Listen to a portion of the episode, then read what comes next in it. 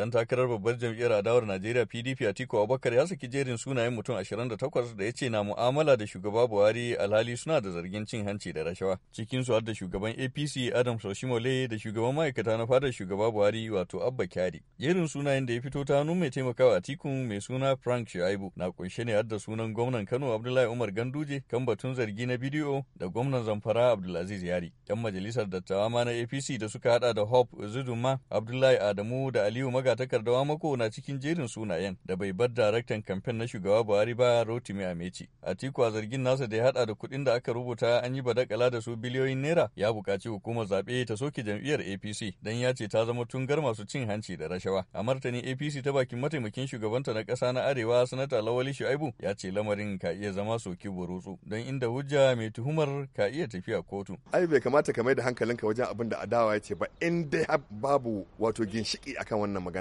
Ai zance na kotu ne. Shi har in har an wanda zan me yasa shi dan adawan nan yana da yanci a zaman shi dan Najeriya ya je kotu ya kai kara. In dai yana da evidence, yana da exhibit na cewa wane ya yi laifi. To ya je kotu mana yana da wannan dama. Tsarin mulkin ƙasar Najeriya ya bashi yanci ya je kotu ya kai kara. In ya so ya gabatar da evidence da yake da shi. Ka san shi cin hanci da sharawa yana da wayar al'amari. Saboda in ba kana wurin ka gani ba ko kuma ka samu wata takarda ko wani bidiyo ga lokacin da ake yin shi. Ban ga ban ga hujja na ka hito ka faɗe shi ba. Kuma dai duk zancen dai ya koma a kai wurin inda ake hukunta mana. A kai ƙara kotu. Ni abin da ke abin a kai aje kotu. Kotunan nan kada mu ƙyale su. Nan ne inda zaka je ka samu relief. Eh ban ga dalilin da zai sa ana ƙyale kotu ba ana ta zancen rashin gaskiya akan titi. A ce kotu mana mu amince mu kotunan nan. In ba mu amince musu ba to abubuwan mu ba za su ta daidai ba. Shugaban sabuwar ƙungiyar tazarcen Buhari Forward with Buhari Abdulkarim Dayyabu ya kalubalanci Atiku da ya wanke kansa tukun. Mu abin da muke so duk wani wanda ke takara da Buhari izo i tabbatar cewa shi ba barawo ba ne ba fajiri ba ne